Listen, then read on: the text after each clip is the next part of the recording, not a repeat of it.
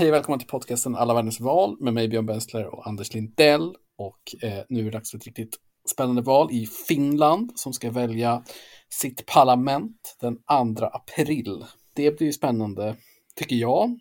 Mm. Tycker du Anders? Ja men verkligen. Det, är, det här är ett val vi ändå har längtat efter. Kanske du ännu mer än mig. Um, men, eh, men det, blir, det ska bli roligt. Det är ju uh, ja, men ett så spännande liksom, politiskt system och eh, ja, men ändå kanske det mest intressanta landet för svenskar. Liksom. I relation till Sveriges historia och så, så är ju Finland jätteintressant. Vill du, ska vi säga någonting om vad det är för val? Om ska vi gå direkt Ja, men det kan vi göra, absolut. Det kan ju du få göra, för jag ska ju prata alldeles strax. Ja, precis. Vi, ehm, det är alltså val till Eduskunta, alltså det som representantförsamlingen som är den finska riksdagen, som har 200 platser. De hänger kvar i det här med eh, att, det, att ha ett jämnt antal. Det är inte så vanligt. Otroligt bra storlek på ett parlament. Ja, ja. Och de platserna väljs proportionerligt med, liksom, i valkretsar med proportionerliga val. Så på så vis är vi ju lite likt Eh, men, men det är också det som är likt det svenska systemet. För i övrigt så har ju, finns det några olikheter. Till exempel så väljer ju Finland bara sitt, sitt parlament just nu. De väljer inte kommunerna till exempel, för de väljs andra år, så det är separata valdagar för kommun och riksdag. Och sen så har ju Finland också den största skillnaden mot Sverige, att det är en republik.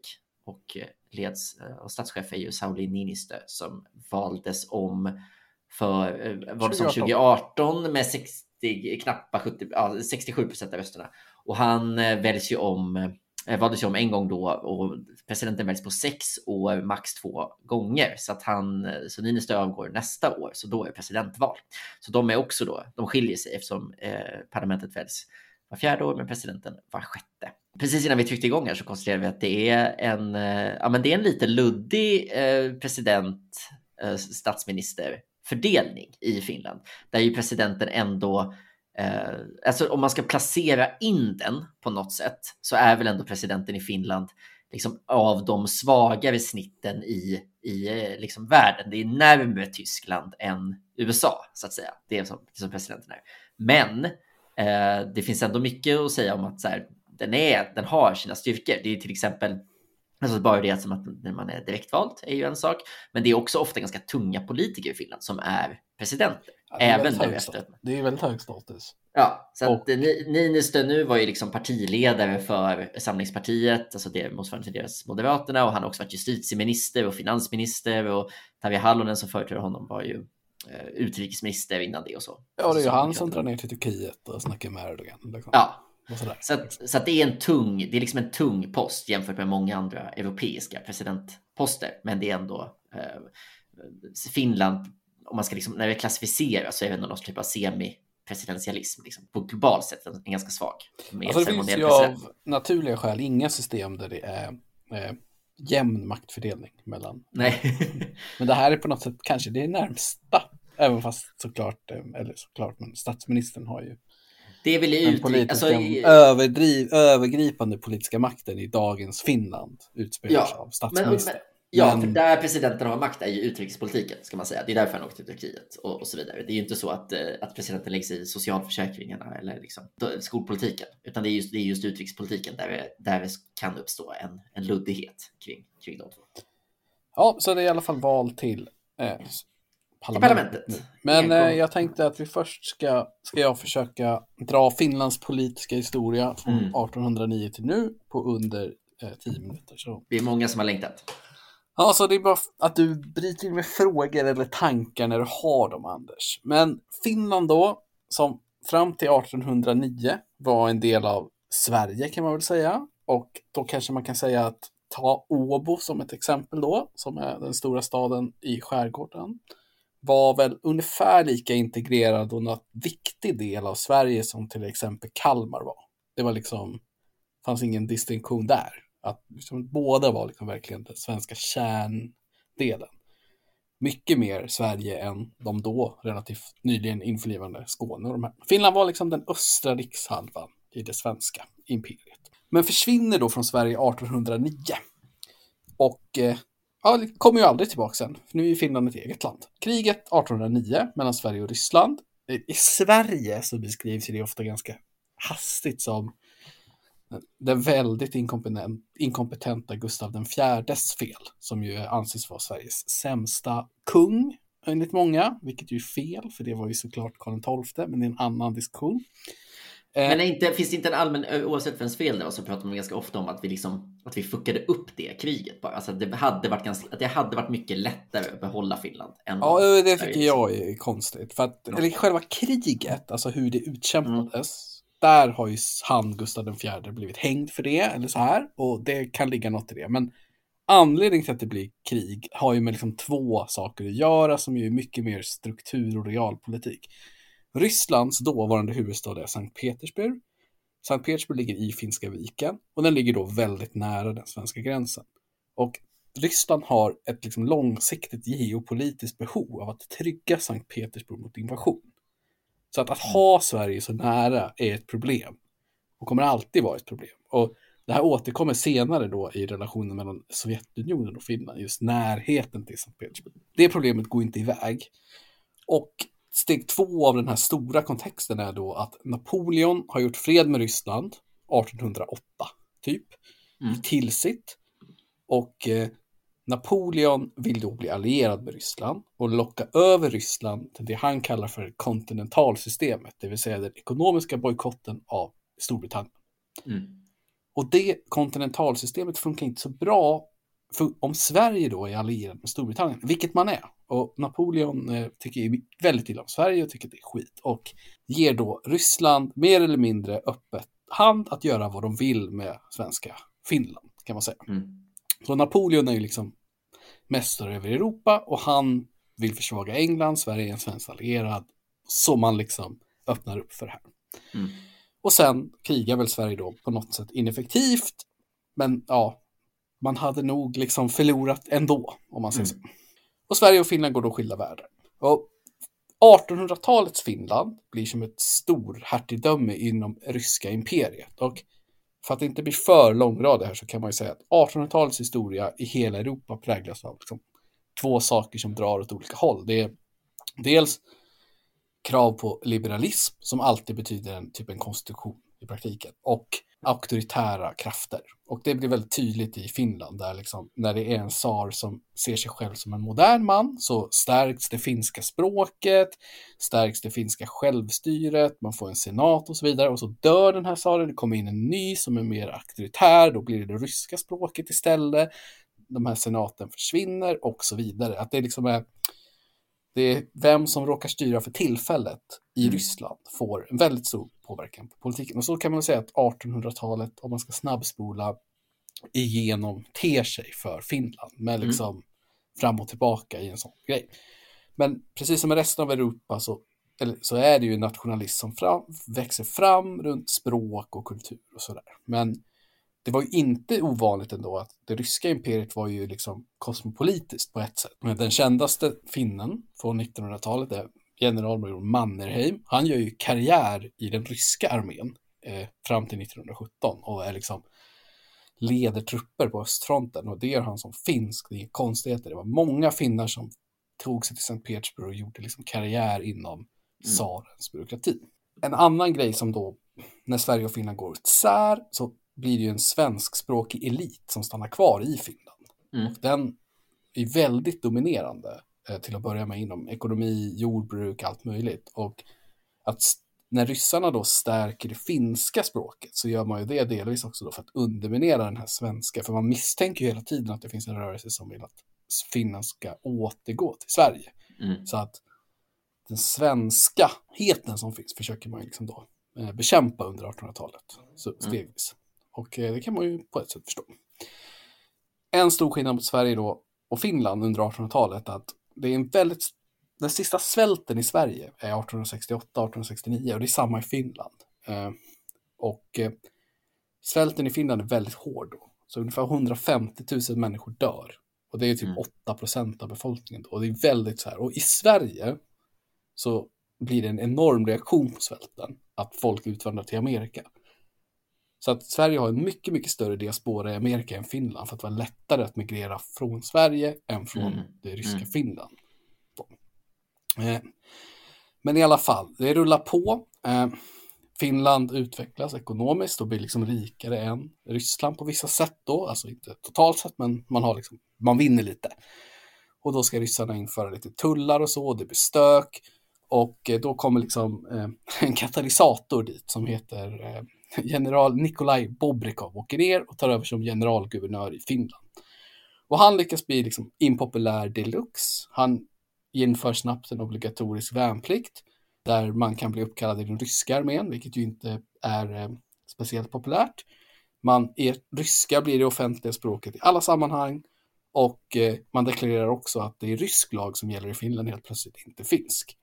Mm. Så att man liksom helt plötsligt på slutet av 1800-talet, början av 1900-talet så rysslandsifierar man Finland uppifrån. Och det här leder till otroligt stora spänningar i samhället. Det är strejker, det är allt möjligt och den här Bobrikov blir till slut mördad i Helsingfors. 1905 börjar liksom eh, slutet på det ryska tsardömet när de förlorar ett stort krig ja, mot Japan. Och Finland utnyttjar det här till att liksom skriva en ny konstitution med en senat som bygger på universell och lika rösträtt även för kvinnor. Vilket man då var först med i Europa efter en annan aktör, Anders. Vet du vem det är? Uh, nej. Det var den kortlivade republiken Korsika. ja. eh, men den här Shout demokratins vår mm. krossas snabbt av de ryssarna som finns kvar och eh, man hittar en ännu mer auktoritär generalguvernör som också blir mördad. Det är många som är mördade just nu. Men basically så förblir styr Ryssland med järnhand fram till 1917. För 1917, mm. som kanske de flesta vet, så är det revolution i Ryssland. Och i februari-revolten så abdikerar tsaren. Och då tycker Finland att personunionen, det vill säga tsarens inflytande, eh, mm. försvinner eftersom han inte finns kvar. Ryssland kan bara kontrollera Finland via tsaren och tsaren finns inte.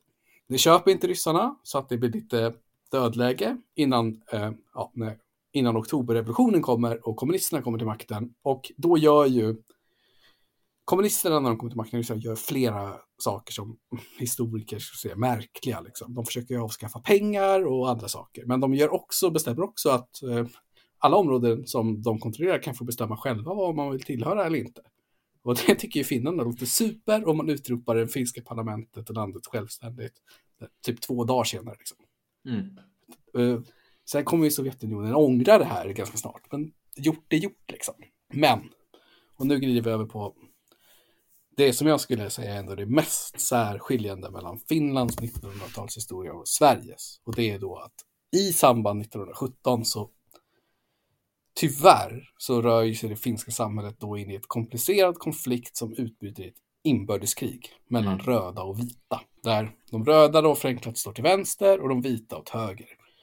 Och de röda är starka i södra Finland, de vita är starka i norra Finland. Och det här är liksom varför exakt det går, drar igång och så, det är ganska så här, ja, någonstans måste man hålla sig. Men sett, det är liksom en för, förlängning av det inbördeskrig som utspelar sig i Ryssland, där det också är röda mot vita och röda armén och så här liksom.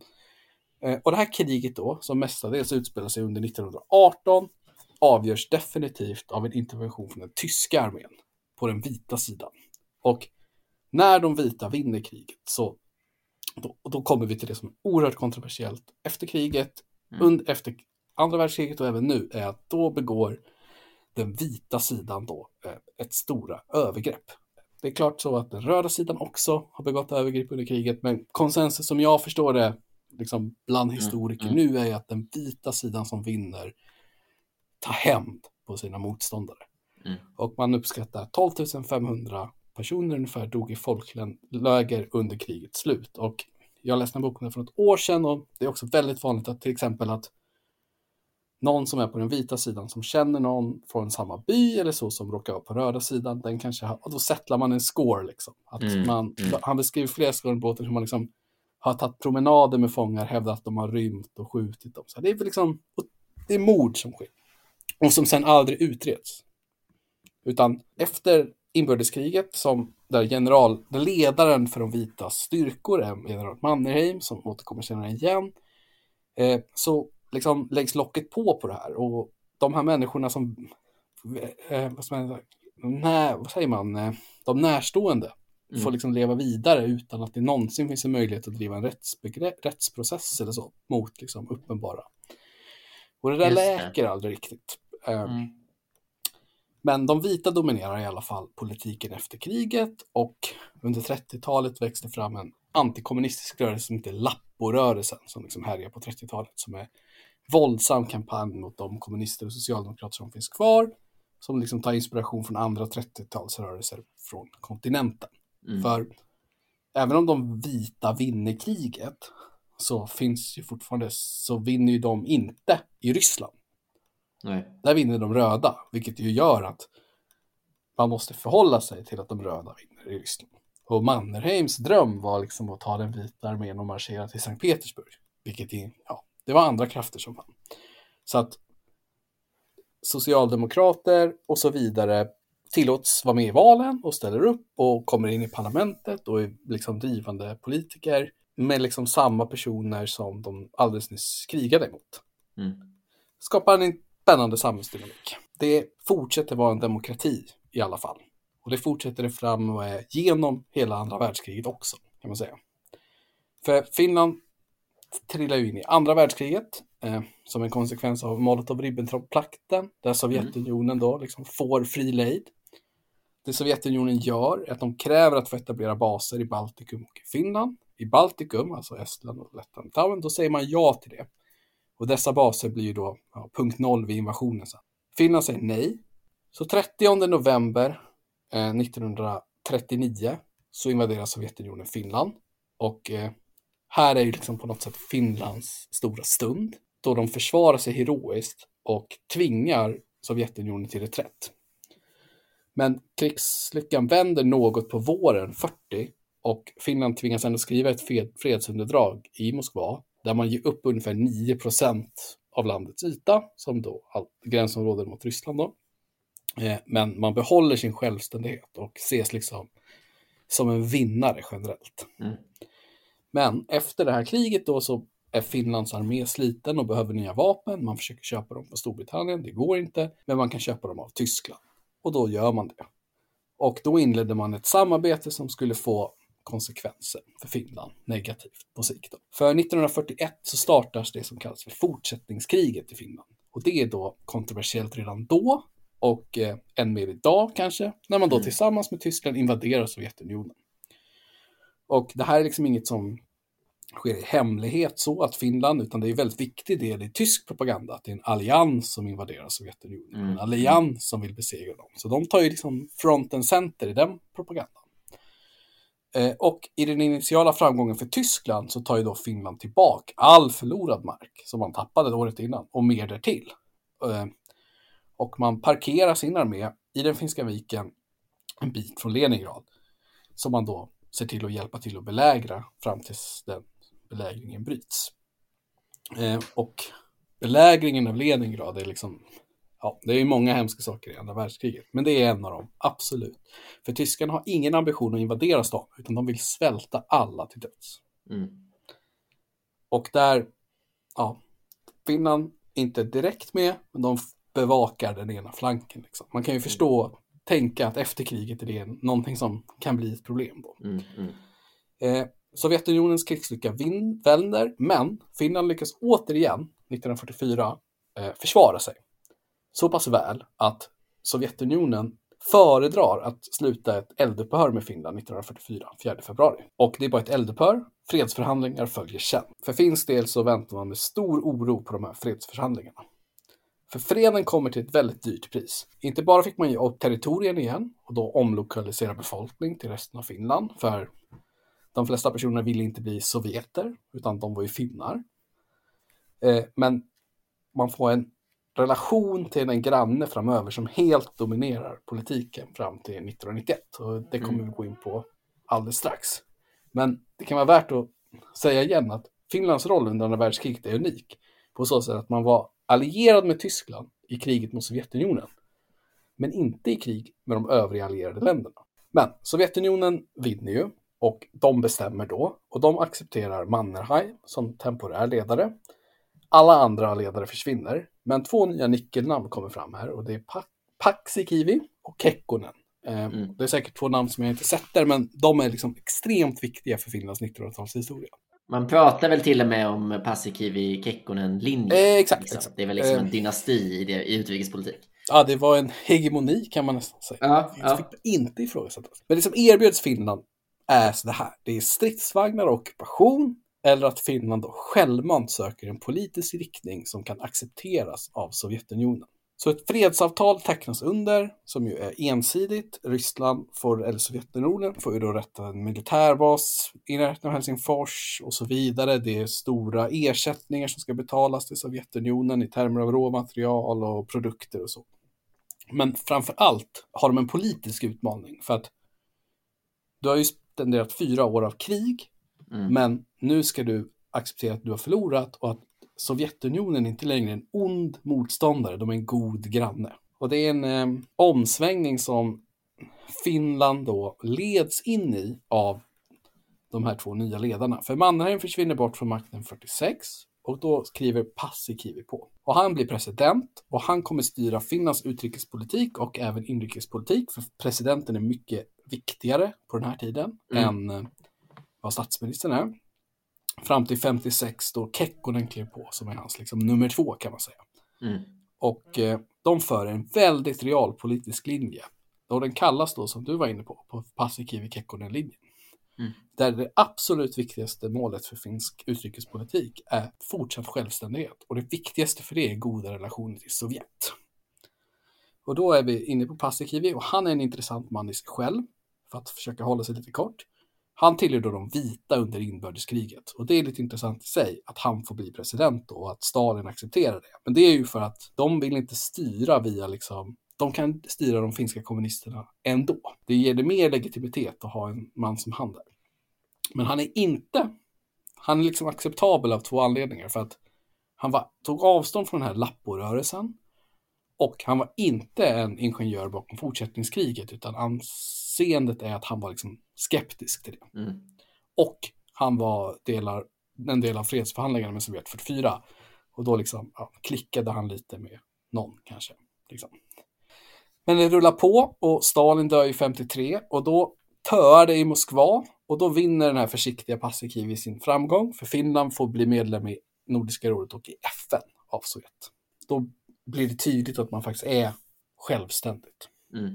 Och sen kriger Uro Kekkonen på och han kör från president från 56 till 82. Mm.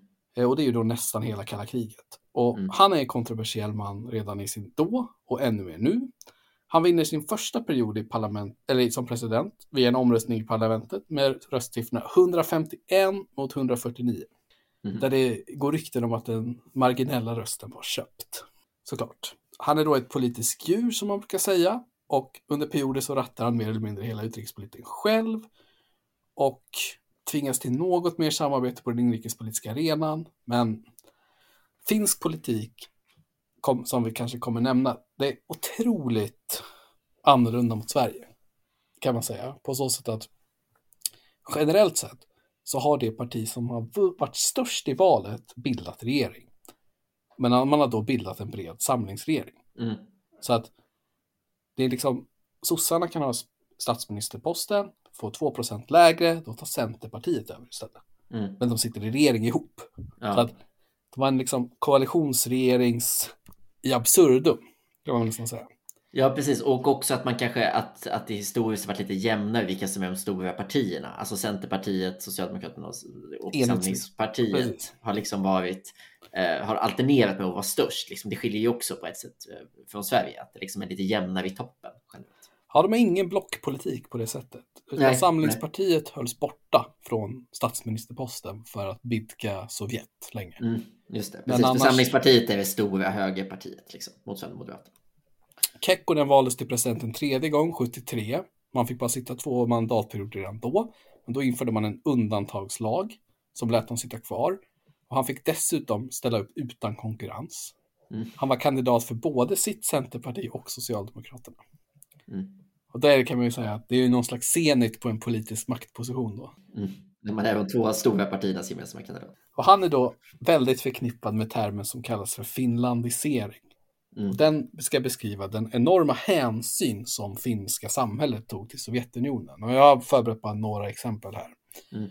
År 1970, eh, då skulle Lenin fyllt 100 år om han fortfarande levde. I Finland så hedrades Lenin då Eh, den dagen med över 2000 olika offentliga tillställningar. Nästan alla städer hade någon typ av hyllning till Lenin. Och i Helsingfors så firade man stort i Leninparken mitt i stan. Mm. Som fortsatt har det namnet. Eh, och samtidigt ungefär så ska Finland bygga ett kärnkraftverk. Då vill man köpa en kärnkraft från ASEA, alltså ett svenskt företag. Mm. Men eh, Sovjetunionen förklarar att det är sovjetisk kärnkraftsteknik som gäller. Så att Finlands första kärnkraftverk är byggt med sovjetiska reaktorer. Helt mm. Och eh, när USA invaderar Vietnamkriget så är det stora protester mot NATO. Det är inga protester när Sovjet går in i Afghanistan. Nej. Så att det är liksom, samhället är tystnads pliktat. Alltså det är liksom det, mm. det, är det som är med finlandiseringen. Alla vet att det är en lögn, men den liksom får fortgå för att man är så rädd för vad konsekvensen ska vara. Det, är väldigt, jag tycker det finns något väldigt roligt i det begreppet finlandisering, att det, liksom, att det handlar om att blidka Sovjet för Finlands skull. Liksom. Det, finns ja. väldigt, det är lite nyspråkigt på något sätt, att, att det skulle vara att man står upp så mycket för Finland genom egentligen. Men det är liksom den, den som råkar vara Sovjets ambassadör i Finland at the time, en otroligt viktig person i politiken. Han kan ha åsikter om olika regeringar, kan få mm. regeringar att avgå och så vidare. Alltså det är liksom, mm. Det är, de är självständigt men de är inte fristående.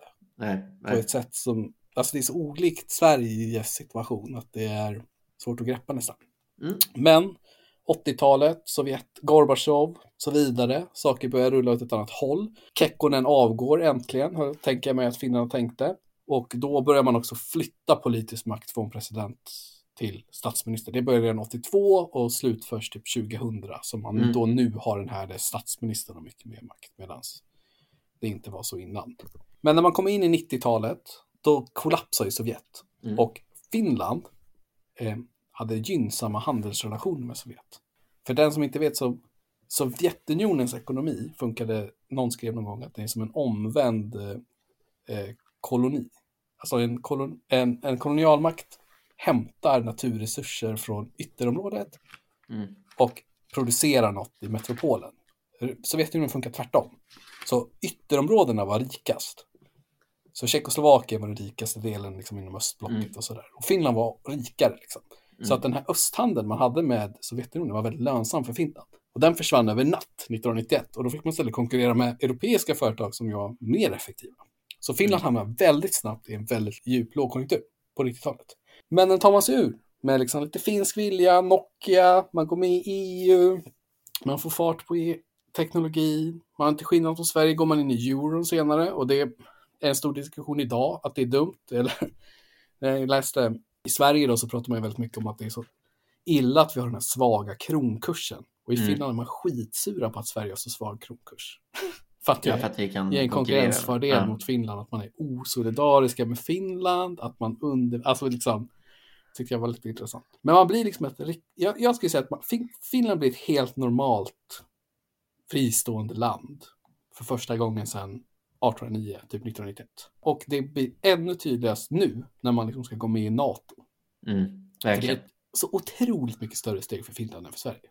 Det finska NATO-medlemskapet är verkligen det är, en, det är en stor händelse. Och det är väl liksom där de är. Då är, de, då är vi framme idag vid ett land som ju är ganska framgångsrikt, måste man ju säga. Ja, det får man säga. Det var min snabbdragning av Finland. Ja, vi står på en stark bas av historisk, historisk medvetenhet. Här. Ja, men vi nämnde ju lite om partierna eh, innan med eh, då Samlingspartiet, Socialdemokraterna och Centerpartiet som har varit de tre stora partierna eh, historiskt. Och de är ju eh, liksom, i allt väsentligt jämförbara med de liksom, mot sina svenska eh, syskonpartier på många sätt.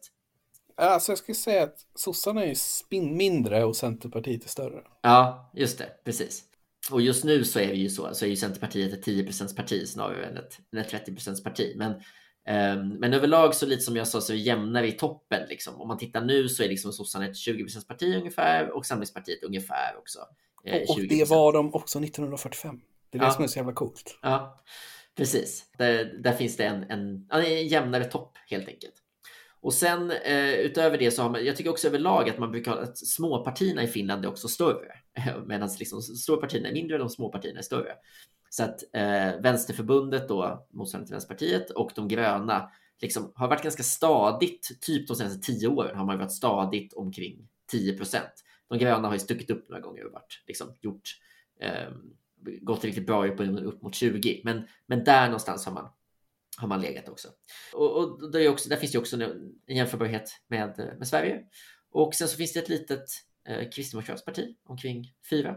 Och sen har vi också det svenska Folkpartiet som är den svenska minoritetens parti och som ju också är, ja, men är väl typ ett socialliberalt parti. Har jag fel då? Ja, de är borgerligt liksom, men de ja. är värnar det svenska. Och det ja. handlar ju mest om språk. Liksom.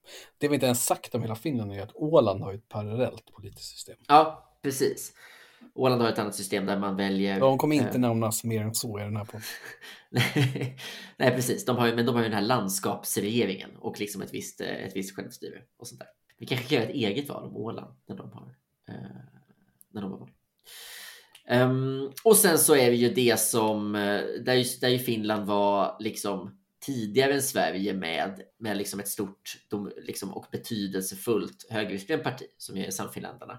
som ju liksom redan, som ju var en mandatperiod tidigare med att vara med i regeringssamverkan på olika sätt och som ju varit, varit dominerade, men som på många sätt, alltså de var ju över 20 procent redan för tio år sedan, men har liksom haft en ganska tuff tid bakom sig kan man säga. Sannfinländarna kraschade ju, det, först kraschade man i opinionen inför förra valet eh, och liksom fick, fick ta sig tillbaka eh, från det. Men sen så eh, imploderade ju partiet liksom eh, internt eh, under förra mandatperioden. Det man ska säga om den liksom, finska parti, eller hur det funkar är ju att de har då Socialdemokraterna, Samlingspartiet och Centern som historiskt är typ lika stora. De ligger runt 20 till 22 mm. procent. Och grejen som det funkar som jag förstår det är att den som blir störst av dem bildar mm. regering. Mm. Den blir statsminister. Så att Socialdemokraterna kan ha regeringsmakten ihop med Centerpartiet. Mm. Eh, sen blir Samlingspartiet största parti med 0,1 procent. Då tar mm. de över och regerar med någon av de andra. Men generellt så sitter väl aldrig Socialdemokraterna och Samlingspartiet? Utan de, sen... sitter, de är de enda som inte sitter ihop. Typ. Nej, precis. Men, Alla Centern, men Centern kan sitta ihop. Men precis, så, så har jag också uppfattat det. Att, att det, är inte så, det är inte så som i Sverige att det finns en lite mjukare beskrivning av en, en opposition och oppositionsledare och den personen får uppdraget. Utan hade, hade vi tillämpat samma praxis i Sverige, då hade Magdalena Andersson fått uppdraget i, efter, efter vårt val och efter henne hade Jimmie Åkesson fått det. Man hade inte hållit på och liksom, eh, ja. pratat i koalitioner på det sättet som vi gör i Sverige. Och vad är opposition i Finland? Då kan man typ, verkar det som att man kan typ vara det enda partiet som är opposition. Också. ja, ja, precis. Det är en mer otacksam roll för det har, för det generellt varit så breda. Till exempel har Svenska Folkpartiet satt alltså i alla regeringar mellan 1975 och 2015. Alltså de alltid hade typ 4 procent av rösterna. Just det, just det. Eh, och vi kan väl säga det, den, det som är regeringen idag är ju då en mitten-vänster-regering där, där Sanna Marin från eh, sossarna är partiledare. Den klart lysande stjärnan på den finska politikerhimlen och den internationellt kända. Verkligen, och hon är ju tidigare, hon tog över ganska nyligen. Eh, 2019. Blev, mm, precis, och blev, blev statsminister december 2019 som fick tre månaders uppvärmning innan corona. Och det var ju också, det han ju var en, liksom, det var ju inte hon som vann valet 20, 2019, utan hon, hon fick ju liksom, det var ju en, en skandal där inom eh, de finska sossarna som gjorde... Jag försökte hitta den skandalen, det handlade om posten på något sätt, men det går liksom inte att få ut vad det var som var skandalen. men men, eh, men eh, statsministern som då var Antti Rinne, va? ja. eh, avgick och, eh, och eh, Sanna Marin fick eh, ta över stafettpinnen och har ju som du säger blivit väldigt Det har gått bra för henne. Hon har en miljon följare på Instagram läste jag. Mm. så, hon har liksom en direkt kanal för kommunikation som ingen annan politiker har. Och eh, 2021 så vann hon en omröstning med väldigt, väldigt bred marginal då hon utsåg till den populäraste statsministern i Finland under 2000-talet. Mm, mm. Så det är ju lite... Ja, alltså... och, och hon, det var ju eh, 34 när hon blev statsminister, vilket ju också får sägas är väldigt Och sen hade hon ju en skandal med de här festbilderna som det var häromåret. Ja, men det, det känns som att hon är. Den har hon skakat av sig. Ja, och hon leder i alla fall idag då eh, en regering som, som har den här, en ganska bred mitten-vänster-regering. Så att den består, den består av, ehm, förutom då Socialdemokraterna, även då av Centern som är näst största partiet i regeringen och som, som har krånglat en del men som ändå är Alltså man anklagas av Marin kan vi säga för att föra oppositionspolitik fast man ja. sitter kvar. Ja, och de har haft liksom ledande företrädare som har avgått i protest. Man kan inte gilla varandra alls på ett personligt plan heller. Nej, men man är ändå kvar. Och de andra partierna är, är kanske lite mer väntade då. Dels då Svenska Folkpartiet som du nämnde, som ju gillar att sitta i regering i Finland. Eh, och sen också de gröna och Vänsterförbundet. Eh, så det är en ganska stor då, eh, regeringskonstellation.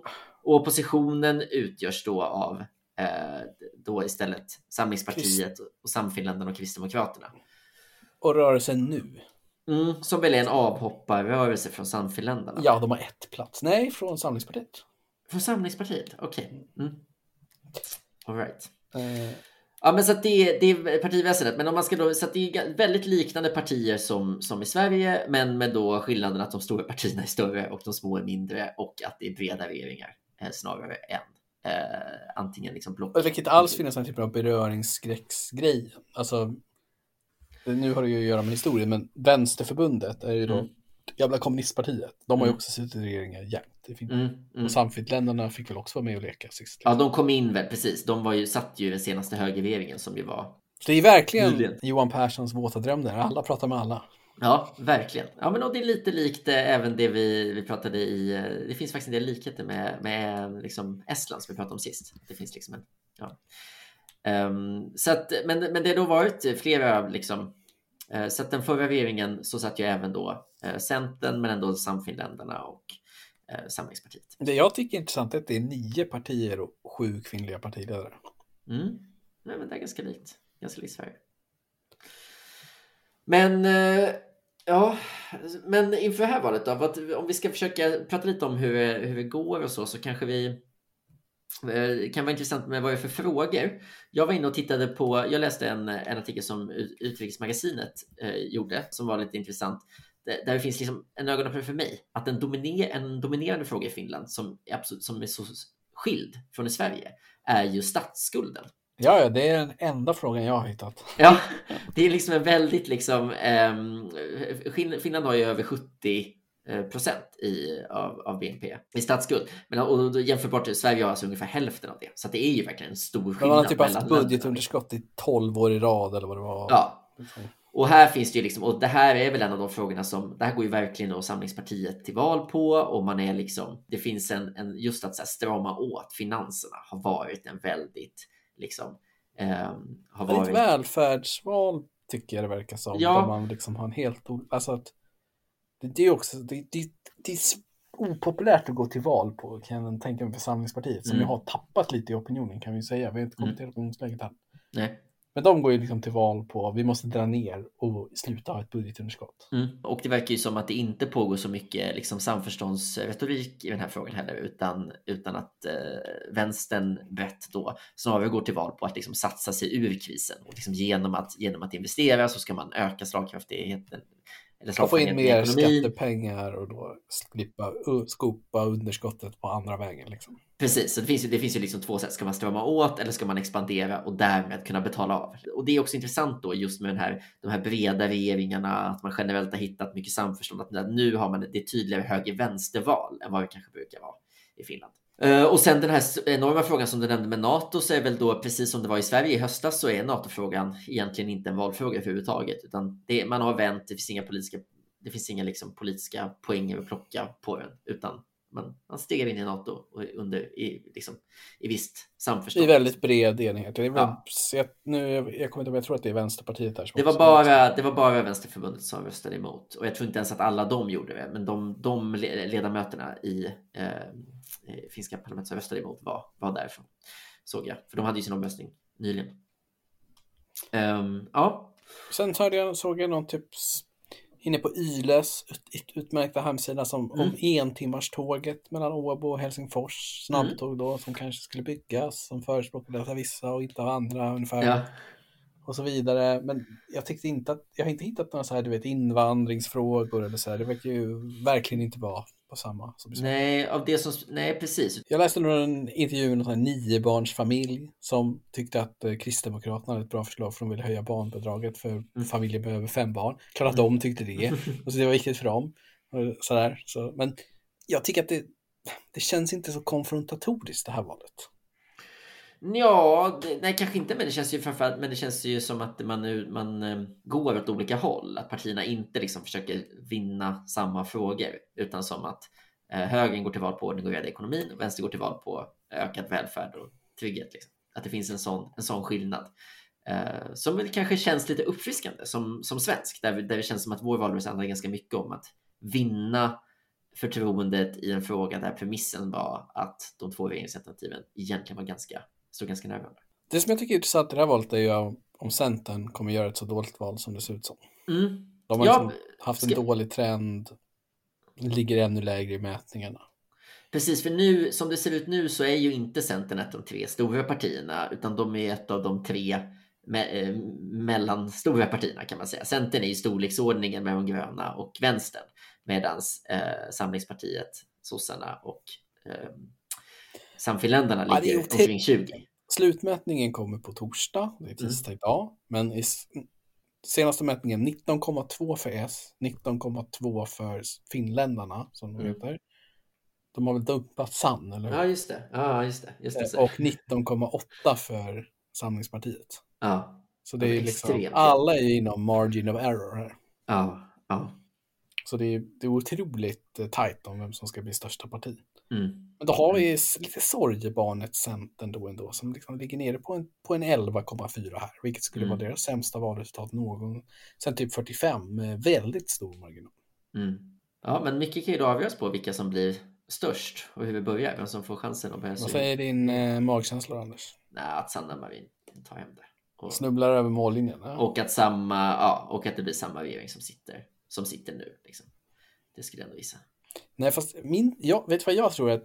Tror du att de kickar Centern? Nej, men så här var jag tror att, nu ska vi inte citera Marx här, men är inte historien upprepar sig först som tragedi, sen som fars. Och, så min take är ju att han som rattar Samlingsförbundet, mm. Samlingspartiet, han är ju, vad heter det, Petri Orpo. Mm. Han är ju deras Kristersson. Mm. Han har suttit sedan 2016, så det här blir hans andra val. Ja. Han förlorade första. Han är liksom lite, spretar lite åt alla håll. Är liksom, möter en populär socialdemokratisk kvinnlig kandidat som mm. sitter på makten men inte valdes till makten. Mm. Han, nej, mm. han har det här, han gör en Kristersson. Just det. Att han... Så att jag tror Samlingspartiet blir största parti. Det, mm. det, är för lik dynamik för att det inte ska bli. Mm. Ja, kul. Vi, eh, vi får väl se helt enkelt. Valet är på, på söndag nu, den 2 april. De har flyttat från mars till april nyligen, kan vi berätta. Ja, det var för, det första gången. Som för att få upp valdeltagandet för bättre väder. Ja, precis. Tji fick de, får man ändå säga. Mm. Ja, det ser inte jättebra ut nu. Nej, jag menar, det var bättre väder förra, förra helgen. ja. um, men vad heter det? Ja, det är om det. Vi, uh, vi kommer väl tillbaka um, om en månad ungefär. Och snacka lite om uh, valet i Paraguay. Ja, det gör vi.